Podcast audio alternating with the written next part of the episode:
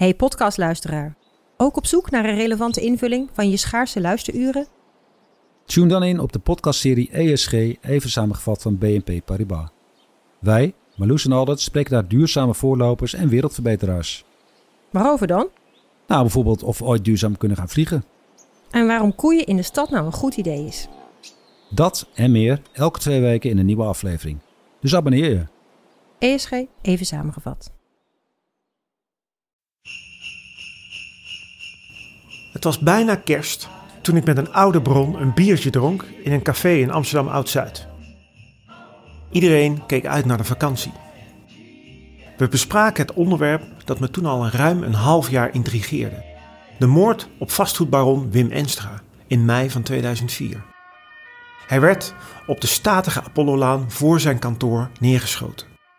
Die moord heeft de Amsterdamse vastgoedwereld in zijn greep. Mensen zijn bang, zo wordt mij verteld. Heel erg bang.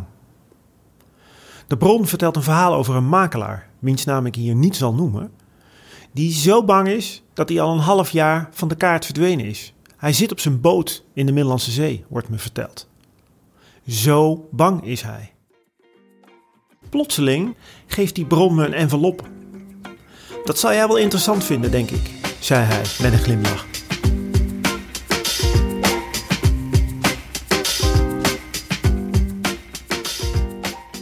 De bron moest aan mij denken toen hij de documenten tegenkwam bij het opruimen van zijn bureau. Ik mocht ze hebben als ik er prudent mee zou omgaan. En prudent betekende in dit geval: je hebt die stukken niet van mij en mijn naam wordt nooit genoemd. Dat sprak allemaal vanzelf, verzekerde ik hem voor de zoveelste keer bij het afscheid nemen. Toen ik naar huis fietste, brandden die enveloppen in mijn tas. Als ik thuis kom, ren ik naar boven, naar zolder. Wat zit er in die envelop?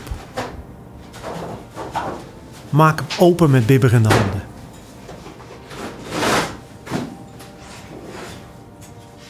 Ik zie een reisverslag van Wim Enstra, die naar Italië is geweest, via Vaduz en via Liechtenstein.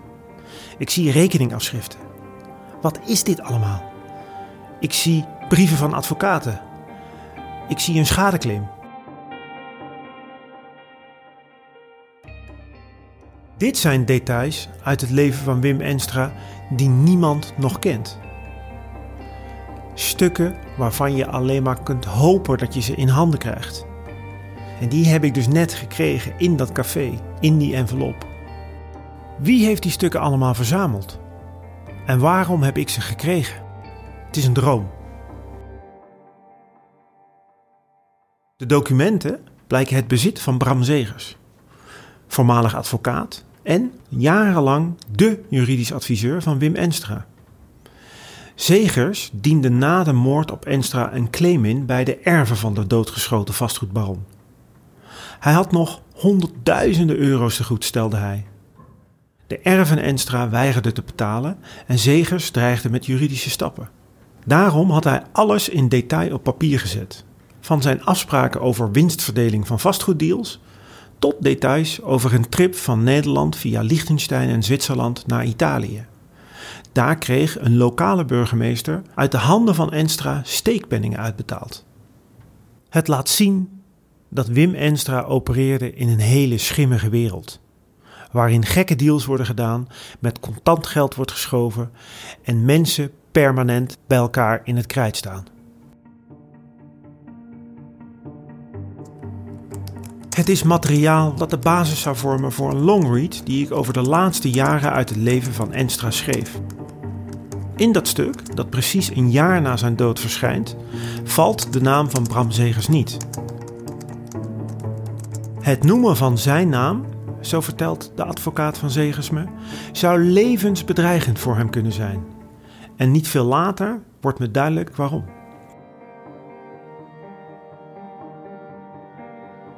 Die maandag na de publicatie word ik gebeld. Het is Bram Zegers zelf. Of we elkaar kunnen spreken. Het leidt diezelfde dag nog tot een afspraak in het Hilton Hotel in Oud-Zuid.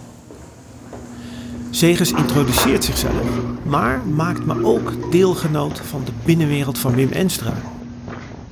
hoe de man opereerde, zijn slimme manier van zaken doen en zijn chaotische manier van werken.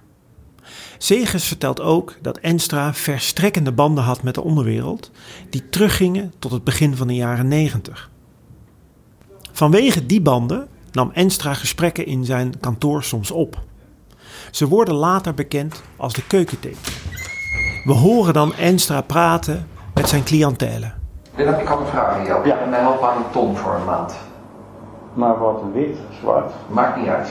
Wim Enstra leidde een leven vol tegenstellingen. En dat is te horen op die tapes. Daar horen we namelijk een man die dubieuze deals sluit met andere mensen. En tegelijkertijd was er dat beeld van die flamboyante vastgoedbaron met veel geld, veel vrouwen en veel rijkdom. Nee, ik ben nog eventjes bezig met die centjes voor jou. Het is vrij moeilijk hoor. Hm? Geld van de bank halen. Ik heb wel wat geld voor je, maar eh, het is niet eh, even een tonnetje van de bank halen is een beetje moeilijk hoor. Maar het kan wel aardig zijn. Dus eh, had je hem nog? Ja, Maar wat Bram Zegers me vertelt, schetst een heel ander beeld. Wim Enstra leefde soms dagen achtereen uit zijn auto. En tegelijkertijd kocht hij vlak voor zijn dood nog het prestigieuze Koerhuis Hotel in Scheveningen.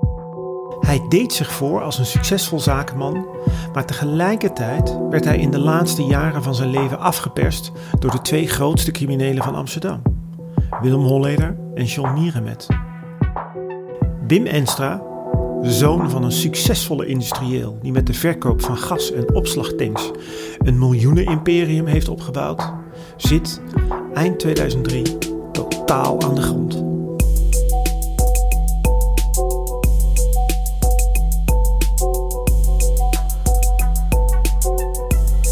Bram Zegers wist dat.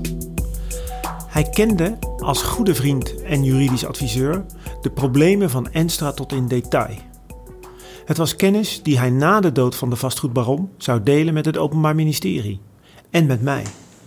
Hij vertelde waarom hij dat deed, waarom hij het risico nam om te gaan praten over Willem Holleder. Hoe kunnen we ooit de zware criminaliteit aanpakken als je iedere keer ziet dat criminele getuigen onder druk zetten en niemand durft te getuigen? Want getuigenbewijs is zo belangrijk om een zaak rond te krijgen. Ja, en dan denk je, nou ja, ik ben in een situatie verzeild geraakt dat ik dingen weet die van belang zijn voor een strafzaak. En Edmund Burke heeft eens een keer, dat las ik toevallig, dat citaat. For evil to succeed, uh, good men only have to do nothing. Zoiets dergelijks. Uh, weet je, als iedereen gewoon zijn bek blijft houden, dan had je kans, ik wist natuurlijk niks van dat, uh, dat vuurwapenverhaal, maar had je kans dat Holleder nog weg zou komen met, met wat er gebeurd is. Zegers meldde zich in het najaar van 2004 bij het Openbaar Ministerie. Hij zou kroongetuige worden in de strafzaak tegen Holleder en Mierenmet. Bram Zegers moest de man worden die Wim Enstra een stem zou geven in de rechtbank. De man die vragen kon beantwoorden nu Enstra dat zelf niet meer kon. Zegers deelde dat geheim met mij ver voordat hij uiteindelijk zou getuigen. En Wim heeft mij gezegd, Bram, als er ooit wat bij mij gebeurt, onthoud het goed. Holleder heeft het gedaan. Ja, ik neem dus aan dat Wim het op prijs zou stellen dat ik een stap zou zetten zoals ik die dan overweeg te zetten. Ik heb gezegd, het gaat, ik doe het niet alleen om Wim. Ik doe het ook omdat deze zaak, die wordt door in ieder geval de zaakofficier gezien als de grootste strafzaak sinds de Tweede Wereldoorlog.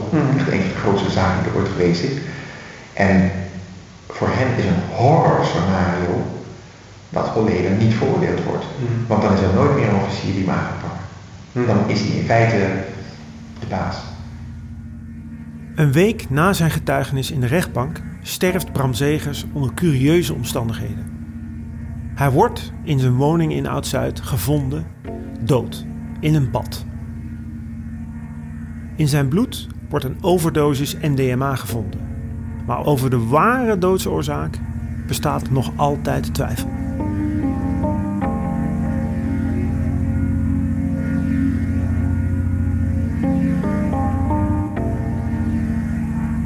Maar in de jaren voor zijn dood heeft Segers mij heel veel verteld. Over zijn bijzondere band met Wim Enstra. En over de bijzondere vriendschap tussen Enstra en Willem Holleder. Over hoe Wim Enstra werd afgeperst door Willem Holleder. Hoe het vijanden worden. Eind 2002 speelt zich iets heel bijzonders af. Segers beschrijft een scène die zich afspeelde op het kantoor van advocaat Bram Moskovic aan de Herengracht in Amsterdam. Toen Enstra daar in het najaar van 2002 niets vermoedend binnenkwam, zat niet Bram Moskovic achter het bureau, maar Willem Holleder. En daar stonden ook twee zwaar bewapende Joegoslaven naast hem. Daar, in dat kantoor, liet Holleder aan Enstra weten dat hij moest betalen. Het ging om miljoenen. Enstra was verbijsterd. Wilde Willem Holleder miljoenen van hem? De man die hij een tweede kans had gegeven na de Heineken-ontvoering? De man met wie hij bevriend was geraakt? Met wie hij op vakantie ging, samen met hun vriendinnen? Wilde hij geld van Wim Enstra? De precieze instructies kwamen later. Het ging om legale transacties en betalingen die zouden lopen via een oude compagnon van Enstra. Ik ben je grootste vriend, zei Holleder volgens Enstra. Met mij als vriend hoef je voor niemand bang te zijn, behalve voor mij.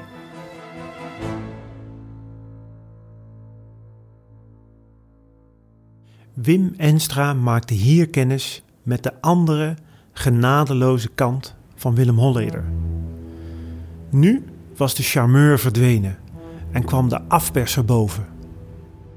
De man die zijn vrienden genadeloos laat vallen. Eerst vrienden maken, dan zorgen dat je weet wat er speelt en dan alles afpakken. Het zou later bekend worden als de methode Holleder. Inpalmen, vastbijten en uitknijpen.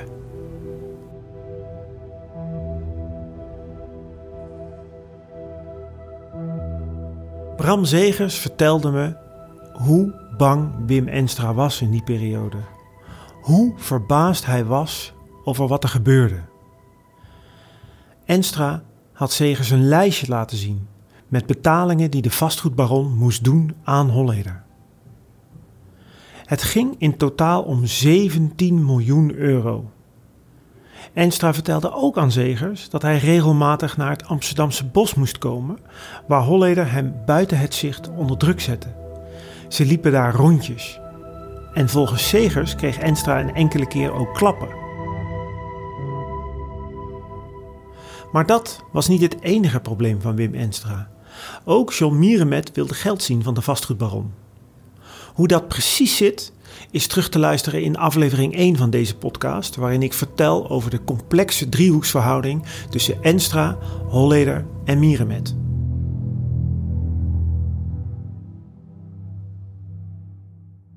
Bram Zegers vertelde me later hoe Enstra de problemen probeerde op te lossen met Mierenmet. Dat gebeurde via een gesprek met de advocaat van Mierenmet in Limburg. En opnames van dat gesprek, die duiken later op. Ik zeg maximaal zou de waarde kunnen bedragen, helemaal uitgerekt, uitgerekt, uitgerekt, 35 miljoen. En zou het een hartstikke kunnen maken. En dan zegt u eh, de helft is daarvan 17,5. 17,5 en die En eh, er is 1,6 miljoen geleend. Dus dan zit je op eh, 16 miljoen uit te. Ik begrijp het. Het is moeilijk te verstaan. Maar wat je hier hoort is Enstra die de advocaat van Mierenmet een voorstel doet. Enstra kan op termijn 17 miljoen euro betalen, zegt hij, zonder dat het opvalt. Maar de vastgoedbaron stelt wel een voorwaarde: dat Mierenmet hem met rust laat. En dat betekent, vervolgt Enstra, dat hij zijn mond houdt, zodat ook justitie hem geen last meer bezorgt. Dus één voorwaarde aan de zorgen dat het niet, niet uh, verlamd wordt door justitie met uh, dat ze invalt of als een beslag nemen, de aandelen beslag nemen en de gevangenis gooien. Dan ga je echt niet, dan kan het niet. Zo gaat dat dus in de onderwereld. Je sluit een deal, je betaalt geld en je vertelt er niks over. Nou, niks. Dat is niet helemaal waar. Vastgoedbaron Wim Enstra stapte namelijk in het voorjaar van 2003 naar de politie. Hij geeft daar in strikte geheim inzicht in zijn wereld en de problemen die hij op dat moment heeft. Enstra is zo wantrouwend dat de gesprekken worden opgenomen op de achterbank van een rijdende BMW, gepantserd en al. In die BMW vertelt Enstra van alles. Hij heeft details over de aanslag op John Mierenmet in 2002. Die zou hij hebben gewaarschuwd. En Enstra vertelt ook dat Willem Holleder hem heeft verteld over de aanslag op zijn zwager Cor van Hout. Bijzondere details. Maar om een succesvolle strafzaak te kunnen beginnen, moet Enstra zelf getuigen tegen zijn kwelgeesten Holleder en Mierenmet. En dat is niet zo makkelijk. Enstra is geen lievertje geweest. Hij heeft miljoenen crimineel geld witgewassen. En daarom weigert de vastgoedbaron. Hij vreest voor het leven van zijn familie en vrienden. En hij wil niet in een getuigenbeschermingsprogramma. De druk op Enstra neemt toe als hij erachter komt dat Holleder vermoedt dat hij contacten heeft met de recherche. Holleder had een pet, zo vertelde Enstra aan de politie. Een corrupte agent die alles doorbrieft. Enstra verbreekt om die reden het contact met de recherche. Hij leeft in die laatste maanden tussen hoop en vrees.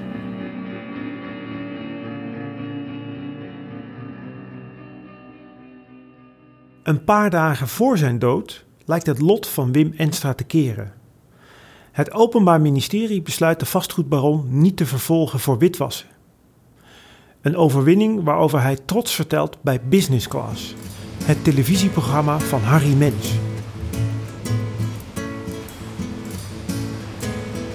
Vanuit Hotel van Oranje in Noordwijk is dit Business Class met Harry Mens. Maar als ze dan met tientallen mensen 14 jaar lang achter je aanlopen, dag en nacht, uh, en er blijkt dan niets te zijn, dan zou je ook tot de conclusie kunnen of moeten komen dat er misschien wel niets mis is met die persoon. Maar het mag allemaal niet baten. 24 uur na het televisieoptreden wordt Enstra beschoten voor zijn kantoor. Vastgoedmagnaat Willem Enstra zakt in elkaar. Artsen en verpleegkundigen doen er alles aan om de zwaargewonde Enstra in leven te houden. Bram Zegers is erbij. Hij ziet hoe zijn vriend geraakt is in het hoofd. Hij sterft ter plekke. Willem Holleder is op de dag van de moord niet in het land. Maar in de onderwereld gaan al snel verhalen over zijn betrokkenheid. Ook Bram Zegers wijst naar de neus. Zijn verhaal is de kern van een onderzoek waarin Holleder centraal staat.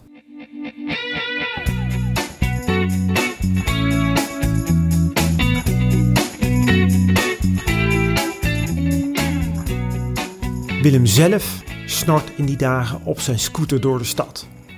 Ogenschijnlijk onaantastbaar en op de top van zijn macht.